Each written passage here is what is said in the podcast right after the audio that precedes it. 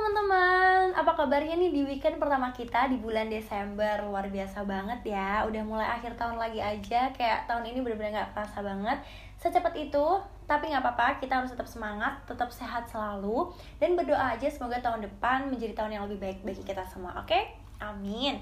Di sini bersama saya Septi Nurhana Swastika dari Prodi Hubungan Masyarakat UPN Yogyakarta akan mengisi podcast pada hari ini uh, dengan topik logika dan komunikasi.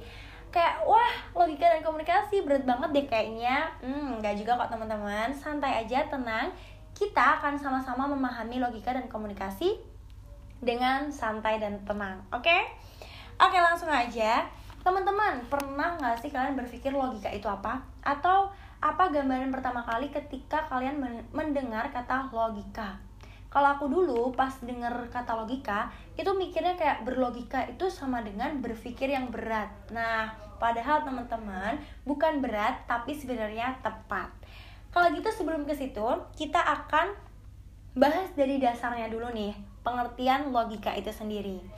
So, logika itu dapat diartikan secara singkat sebagai perkataan, ide, atau akal.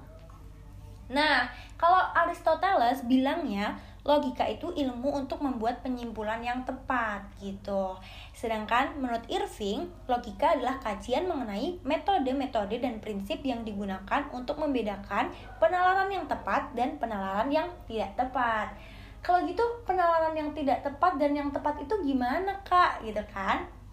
Nah kalau gitu kita harus tahu dulu nih penalaran itu apa Penalaran sendiri adalah jenis pemikiran khusus di mana masalah dipecahkan. Pemecahan masalah tersebut berdasarkan proses penarikan kesimpulan yang berasal dari premis-premis yang ada. Jadi, penalaran yang tepat itu adalah ketika premis-premis benar-benar menyediakan dasar yang cukup untuk menarik sebuah kesimpulan. Jadi, teman-teman, untuk kita bisa uh, mendapatkan penalaran yang tepat, kita harus menyediakan premis-premis yang benar-benar menjadi dasar yang cukup untuk kita membuat sebuah kesimpulan. Aduh, masih bingung banget gak sih?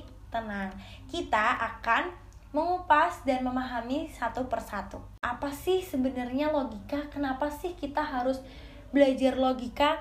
Ya, kita harus belajar logika itu karena Keterampilan dalam menganalisis dan mengevaluasi secara logis adalah dasar dari kita berpikir kritis, teman-teman. Terus kenapa juga harus berpikir kritis? Hmm, penting banget buat kita harus berpikir kritis karena kalau kita berpikir kritis, kita itu nggak mudah untuk dimanipulasi dan dipengaruhi oleh orang lain, teman-teman. Gini nih, kadang-kadang nih kepercayaan atau klaim yang kita terima akan membentuk pandangan kita terhadap dunia kita sendiri yang kemudian dapat mempengaruhi tindakan kita. Kalau karena itu, tujuan dan manfaat kita mempelajari logika antara lain dapat berpikir secara rasional, kritis, lurus, tertib, metodis, dan koheren. Gak cuma itu, kita juga bisa meningkatkan kemampuan berpikir secara abstrak, cermat, dan objektif menambah kecerdasan, meningkatkan kemampuan berpikir kita secara lebih tajam.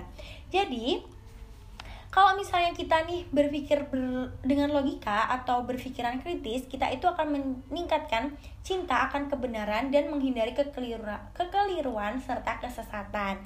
Nah, kalau gitu nih, kita penting banget nih untuk berlogika. Kita studi. Nah, kemudian kita next nih ke objek dan subjek studi logika. Ada tiga, yaitu objek material mengacu pada isi pikiran, objek formal mengacu pada kebenaran pemikiran, dan subjek matter yaitu metode dan teknik logika yang membedakan secara efisien antara penalaran yang benar dan salah. Gitu teman-teman. Nah sekarang kita next ke logika dan ilmu pengetahuan. Apa sih hubungan antara logika dan ilmu pengetahuan? Hmm, itu tuh berhubungan banget teman-teman. Bagi ilmu pengetahuan, logika itu merupakan sebuah keharusan. Gak ada ilmu pengetahuan yang tidak didasarkan pada logika. Karena ilmu pengetahuan tanpa logika tidak akan pernah mencapai kebenaran ilmiah. Jadi teman-teman logika itu sendiri adalah part atau bagian dari ilmu pengetahuan. Gitu ya teman-teman. Kemudian tentang argumen, premis, dan kesimpulan. Waduh, apalagi tuh argumen, premis, dan kesimpulan dan apa hubungannya sama logika? Jadi gini teman-teman, tujuan logika tadi adalah mengembangkan sistem, metode, dan prinsip yang bisa digunakan sebagai kriteria untuk mengevaluasi argumen orang lain Atau dengan mudahnya, dengan logika itu kita bisa mengevaluasi argumen orang lain Juga membimbing kita ketika kita itu uh, mengkonstruksi sebuah argumen kita sendiri juga membedakan argumen yang baik dan buruk. Nah, argumen sendiri itu bukan hanya sekedar pertengkaran verbal yang terjadi dengan teman dan keluarga kita, teman-teman. Namun, argumen pada dasarnya merupakan sekelompok pernyataan yang di dalamnya terdapat satu atau lebih dari satu pernyataan yang disebut premis yang menyatakan dukungan atau alasan untuk percaya pada pernyataan lain yang disebut kesimpulan. Jadi, argumen sendiri itu ada dua nih tipenya yaitu good argument dan bad argument kalau good argument itu argumen yang premis-premisnya benar-benar mendukung kesimpulan sedangkan bad argument yaitu argumen yang premis-premisnya tidak mendukung kesimpulan meskipun dinyatakan mendukung kalau gitu Pernyataan itu apa? Pernyataan atau statement adalah sebuah kalimat yang bisa benar atau salah, teman-teman. Nah, pernyataan itu umumnya ber, e, berbentuk deklaratif ya. Jadi pernyataan atau statement itu bukanlah argumen karena pernyataan itu berbentuk tunggal. Untuk membuat argumen maka perlu penggabungan e, per, Nah, untuk membentuk argumen maka memerlukan e, gabungan dari beberapa pernyataan yang bisa dihubungkan dalam hubungan premis dan kesimpulan. Nah, kita lanjut nih ke jenis-jenis argumen. Jenis-jenis argumen itu ada dua, argumen deduktif dan induktif. Kalau deduktif itu melahirkan kesimpulan yang pasti, kalau induktif melahirkan kesimpulan yang uh, berupa kemungkinan gitu. Kalau gitu, lanjut ya ke bentuk argumen. Ada argumen matematika dan argumen dari definisi. Kemudian kita mau masuk nih kalau bentuk argumen induksi. Nah, argumen induksi itu bisa berbentuk prediksi, analogi, generalisasi, dan lain sebagainya. Kita akan membahas ulang lagi tentang penalaran tadi. Penalaran itu dibagi menjadi dua, deduktif dan induktif.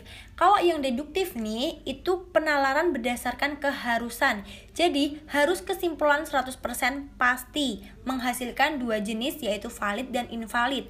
Sedangkan induktif itu penalaran berdasarkan kemungkinan atau probabilitas. Mungkin kesimpulan tidak pernah 100% pasti. Jadi, menghasilkan dua jenis yaitu kuat dan lemah. Oke, kita bahas nih satu-satu. Deduktif itu menghasilkan valid dan invalid.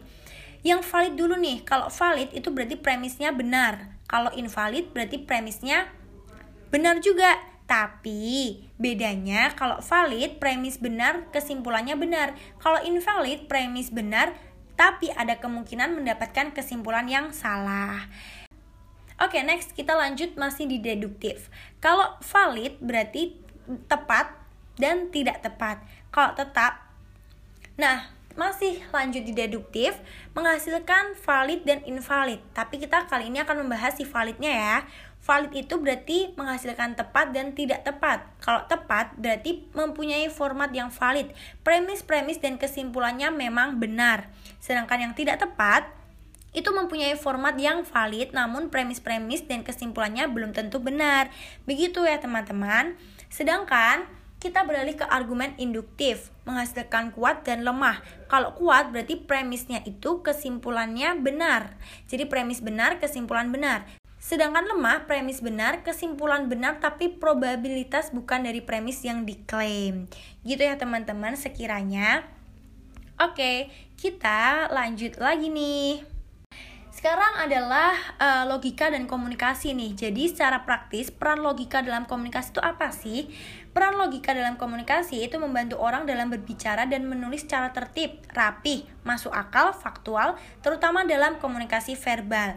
Nah, contohnya apa nih? Contohnya salah satunya adalah retorika. Nah, retorika itu apa? Kemampuan meninjau sarana yang dapat digunakan untuk membujuk atau persuasi dalam berbagai keadaan. Keberhasilan persuasi itu e, bisa berdasarkan dua hal, persuasi teknis yaitu faktor internal. Yang kedua adalah persuasi non teknis, faktor eksternal komunikatornya. Nah, kalau yang uh, teknis tadi itu adalah etos, patos, logos yang harus dimiliki komunikator dalam melakukan persuasi. Sedangkan yang non teknis tadi itu adalah saksi, bukti, dokumentasi yang memungkinkan komunikator mempersuasi dengan lebih mudah. Gitu ya teman-teman. Jadi uh, untuk uh, sebuah persuasi itu dibutuhkan uh, kedua hal tadi itu, persuasi teknis maupun non teknis. Nah, untuk teknisnya sendiri tadi kan membutuhkan logos, etos, dan patos. Kalau logos itu berarti harus logik, harus reasonable, harus ada buktinya. Sedangkan etos Uh, komunikator itu harus mempunyai kredibilitas atau uh, trust ya. Nah, kalau patos itu uh, komunikator harus dapat membangun emotion atau value. Kita teman-teman, sekarang kita masuk nih ke materi sesat pikir yaitu materi terakhir kita. Sesat pikir itu apa sih? Sesat pikir adalah proses penalaran atau argumentasi yang sebenarnya tidak logis, salah arah dan menyesatkan. Suatu gejala berpikir yang salah yang disebabkan oleh pemaksaan prinsip-prinsip logika tanpa memperhatikan relevansinya. Begitu nih. Terus sesat pikir itu juga ada banyak nih macamnya ada argumentum et baculum itu adalah satu pihak menggunakan pengaruh kekuasaan dalam berargumen untuk memaksakan pembenaran sebuah kesimpulan. Terus ada juga nih argumentum et misericordiam. Nah, itu adalah argumen yang berasal dari rasa kasihan atau penderitaan. Dan juga masih banyak lagi argumen-argumentum yang um, condong ke sesat pikir. Begitu teman-teman kurang lebihnya. Jadi terima kasih banyak uh, atas kesempatan saya untuk mengisi podcast kali ini. Semoga podcast uh, tentang logika dan komunikasi ini dapat bermanfaat bagi kita semua. Terus jaga kesehatan kita dan tetap uh, bahagia selalu ya. Selamat malam, sampai jumpa kembali.